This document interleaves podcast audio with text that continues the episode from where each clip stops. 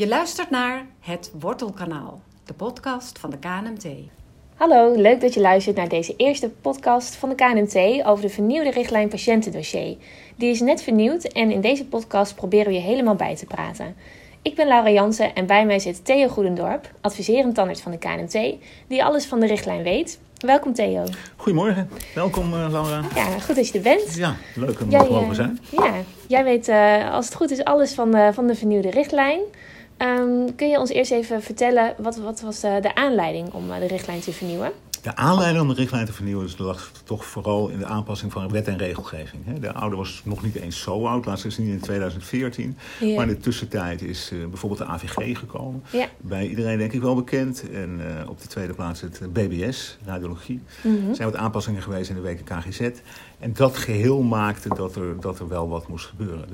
Er waren dus nieuwe dingen bijgekomen. Ja. En er zijn ook wat zaken die vroeger bij de aanvullende eisen zaten... en die nu bij de verplichte onderdelen terechtgekomen zijn. Ja, ja, oké.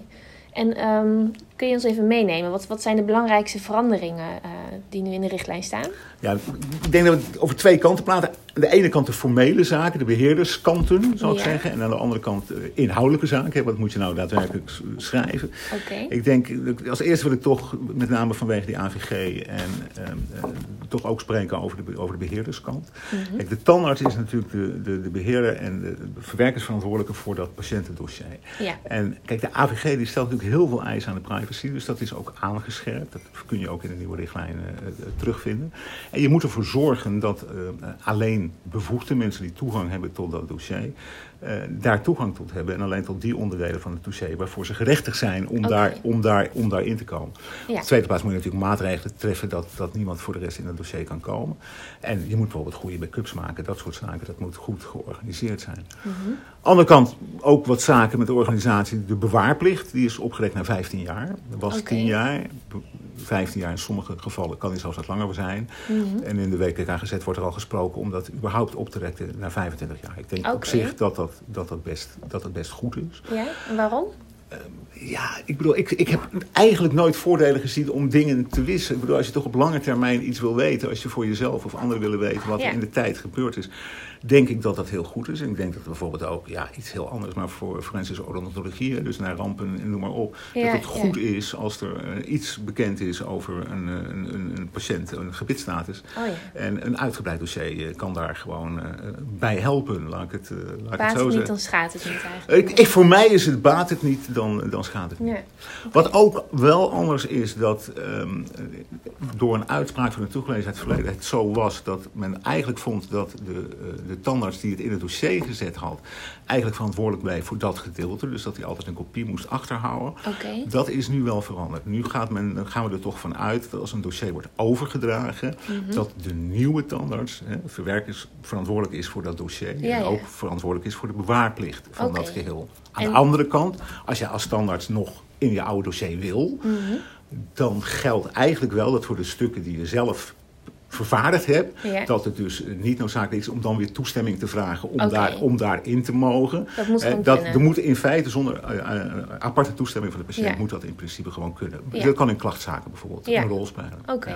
En denk je dat dat goed is? Dat, dat, dat nu dat, eh, de nieuwe tandarts zeg maar verantwoordelijk is? Ja, ik denk dat dat goed is. Ik bedoel, weet je, je kunt, het is, eh, stop is met een praktijk, ik noem maar wat. Mhm. Ja, dan heb jij een bepaald eh, computerprogramma.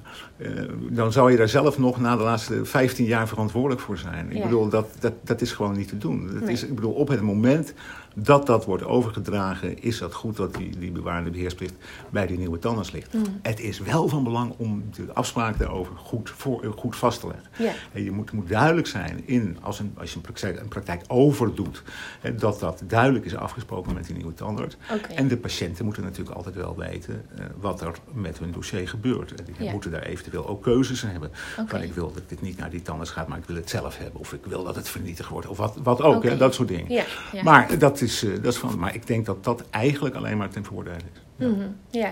En moet je dat dan als patiënt eh, zelf kenbaar maken? Of, of moet dat aan de patiënt worden voorgelegd? Of hoe, hoe zit dat? De, de tandarts moet voorleggen aan de patiënt dat er verschillende mogelijkheden zijn voor zo'n dossier. Van Ja. ik, ik ga met mijn, mijn praktijk stoppen. Hè. Dus Ja. ik, ik, ik, ik, zal de, de dossiers zal ik overdoen aan mijn opvolger. Mhm. hè, die en die.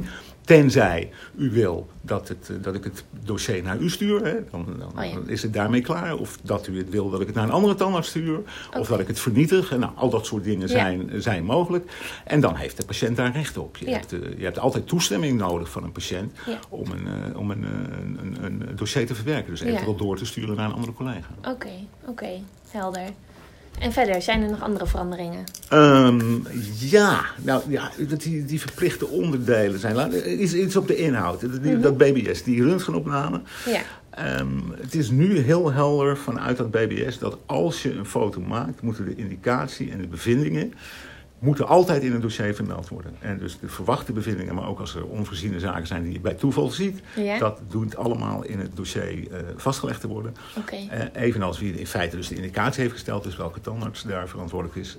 En wie de opname heeft gemaakt. Mhm. Als dat niet de tandarts is, dat dat helder is wie de opname heeft gemaakt. Oké, Ehm, dat is, ja, nou, toevalsbevindingen, dat heb ik over gehad. Ehm, zorgdoel en zorgplan. Vijf jaar geleden, toen was er in die meeste dossiers, had je eigenlijk, die meeste computersystemen, had je heel weinig mogelijkheden om daar echt het een en ander in kwijt te kunnen. Hè. Dat is Mm. nu toch veel duidelijker, is dat, is dat eh, vastgelegd. En ik zal zeker niet zeggen dat je voor elke patiënt per se een, eh, een zorgdoel vast zou moeten leggen op dit moment. Mhm. Maar als er patiënten zijn ja, waar wat mee is, of waar je wat mee wil, of Ja. waar je wat van. dan is het denk ik heel goed om een zorgrichting, hè, dus een lange termijnvisie. en dat meer toegespitst op de patiënt, zorgplan, zorgdoel. om Mhm. dat vast te leggen in, eh, in het dossier. Zeker als er ook anderen van tijd tot tijd. eh, met, met eh, de, de patiënt zien en het dossier krijgen. Ik denk dat het, zeker als een collega, andere collega. of als een mondhygiënist of weet ik wat.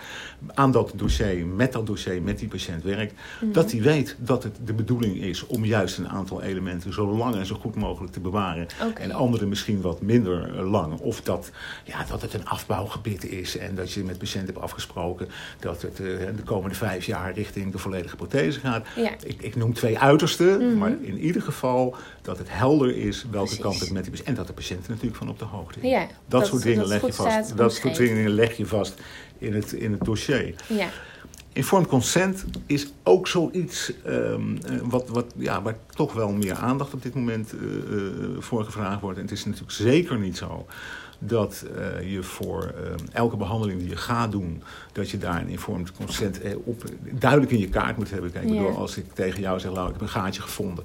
En eh, jij zegt, hé, jammer, maar nou goed, dan moet het gevuld worden. En je loopt naar de baan en je maakt een afspraak. Mhm. Ja, dan ga ik ervan uit dat jij impliciet eh, instemt met die behandeling. hè. Precies. Tenzij je bij een ander komt, eh, nou dan zal je nog even moeten uitleggen waarom en hoe. ja, Eh, maar aan de andere kant, als je eh, wat uitgebreide behandeling krijgt, of wat ingrijpende behandelingen, getrokken wordt, of de kostbare behandelingen, Ja. dan denk ik wel dat het goed is dat er in ieder geval helder is in je dossier ehm, wat de afwegingen zijn geweest. Hè. De Ja. mogelijkheden die je patiënt eh, eh, geboden hebt, de alternatieven die je hem geboden hebt, de voor- en nadelen die je besproken hebt, kosten. eh, en al dat, boven Precies. 250 euro ben je natuurlijk sowieso van, eh, Ja. hoe heet het, verplicht om een begroting te maken. Ja. Ik denk dat het goed is dat dat dan heel helder in het dossier is. En bij de richtlijnen is voor de KNMT-leden is ook een checklist eh, bijgevoegd. Ja. Checklist samen beslissen. En dat kan wat houvast geven van nou, welke Mhm. dingen moet ik nou aandacht hebben en welke dingen moet ik nu bespreken met die patiënt om te zorgen dat er sprake is van een goed informed consent. ja. En die checklist, is dat echt bedoeld eh, om aan de stoel te gebruiken? Dat kan aan de stoel gebruikt worden, Ja. ja. Ik bedoel, kijk, kijk, laten we wel wezen, als je een aantal keer gebruikt wordt, zul je er steeds handiger in worden. En dan zul je Mhm. voor jezelf. Maar het kan ook wel handig zijn om een bepaalde patiënt bijvoorbeeld te zeggen, misschien is het handig om de volgende keer iemand mee te nemen. Oh ja. Zodat je even met z'n tweeën kunt luisteren, wat we eh, samen Ja. besproken. Nou, dus zo zijn er allemaal van dat soort dingen waar je rekening mee kunt houden. Oké. En ik zou, dat, eh, ik zou dat zeker een keer op mijn gemakje, op mijn gemakje bekijken. Ja, Laat, ik het, eh, ja. laat ik het zo zeggen. Precies. Patiëntenrechten zijn trouwens ook nog wel iets uitgebreid. Oké, Laura. ja.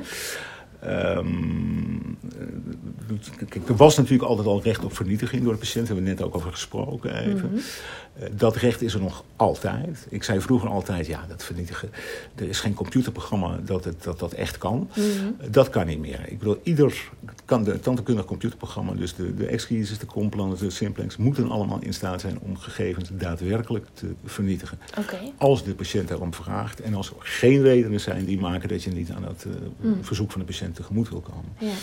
Patiënten hebben over het recht op rectificatie. Hè, Als Mhm. de patiënt iets in het dossier ziet waar hij het echt niet mee eens is en hij kan dat onderbouwen. Oké. Eh, bij toeval, de patiënt zegt, eh, die kijkt in jouw dossier of die, die zit en die zegt van, hé, hey, de patiënt rookt. Ja. En die zegt, nee, ik ben al drie jaar gestopt en ik wil dat dat weggaat. Ja. Dan ben je wel gehouden Oh, ja. om dat te doen. Tenzij het gaat om dingen waarvan jij zegt, ja, dat kan patiënt wel. De patiënt zegt, Mm. ik poets hartstikke goed. En jij ziet dat het, dat het waardeloos is en dat staat in het dossier. Precies, ja. Ja, dan kan die patiënt erom vragen, maar dan kan je zeggen: het is mijn professionele verantwoordelijkheid om, om, om daarmee te doen. Voor Ja, de rest zijn er nog wel wat rechten in zaken dataportabiliteit en, en, en recht op, ja, op, op, op bezwaar tegen verwerking. Mhm. Ik denk dat je daar niet heel vaak mee te maken krijgt. En als je daarmee te maken krijgt, zou ik zeggen: lees het eens even rustig door. Precies. En dat raad ik iedereen aan, Ja. zeker los van dit. Ga nou eens rustig kijken. Kijk bij die verplichte onderdelen. Kijk wat er verplicht is. Mhm. Dat wat daar staat, Ja. dat is wet of regelgeving. Of daar zijn uitspraken van tuchtcolleges over geweest.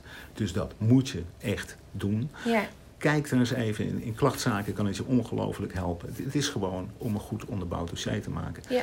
Eh, en daarnaast heb je natuurlijk een aantal zaken waarvan je zegt... ja, het hoeft niet en het mag wel. Ja, het is wel Ik- handig. ja, ik zie vaak, zie ik tandarts die hoor ik spreken, wat ze allemaal niet moeten bijhouden. Die Ja. denken dat alle mogelijkheden die in een computerprogramma zijn, dat dat verplicht is. Nee, Mm. dat is dus absoluut niet waar. Nee. Aan de andere kant, ik kan mij goed voorstellen dat je het zelf heel plezierig vindt om eh, bepaalde risicoprofielen van een patiënt bij te houden. Mhm. Eh, kijk, DPSI hou je bij, of een paar, paar risico's. Maar ik bedoel, ik zal zelf altijd, als er cariësrisico is, zal ik altijd vermelden. En dan ook nog of dat door het gedrag van de patiënt komt of bijvoorbeeld door medicijngebruik. Oké, ja. Als ik esthetische tanden kunnen doen, vind ik het lekker om eh, mijn vulmaterialen en mijn kleuren en zo te vermelden. Nou, zo Hmm. zal iedereen zijn eigen dingen hebben. Ja, inderdaad. Dus, dus mochten mensen nog meer willen weten, dan kunnen ze in ieder geval kijken op knmt.nl slash patiëntendossier. En zijn er verder nog, eh, nog plekken waar mensen terecht kunnen als ze meer willen weten? Ik weet dat er in november is er nog een, een, een, een, een bijeenkomst waar ik zelf nog een verhaal zal houden. Ja. Ik dacht dat Wolter nog een keer voor de Academy nog een keer een verhaal over het patiëntendossier zal houden. Mhm. En voor de rest, ach, we worden wel eens gevraagd her of der. En eh, je komt ons vast wel weer eens tegen. En, eh, Vast en zeker, Dus ja. ik zou zeggen, neem de mogelijkheden om er wat meer over te weten. Ja, zeker. Nee, inderdaad, eh, 23 november, dus op een zaterdag, vindt eh, de KNMT ZZP-dag plaats, waar je ook een lezing geeft, Theo, over dit onderwerp. Dus ehm, nou, mocht je echt alle ins en outs uitgebreid willen weten, ehm, je bent van harte welkom om, eh, om daarbij te zijn. En, eh, en anders kijk dus eventjes op de site die we net noemden. Theo, dan wil ik jou hartelijk bedanken. We zijn aan het einde gekomen hiermee van deze podcast. En we hopen dat je er wat van hebt opgestoken.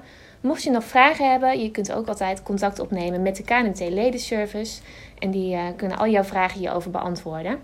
Ehm, verder wil je misschien nog reageren op deze podcast? Dat kan ook. Stuur dan even een mailtje naar wortenkanaal.knmt.nl. Dat vinden we leuk. Nou, bedankt voor het luisteren en tot de volgende keer. Leuk dat je luisterde naar het Wortelkanaal. Tot de volgende keer.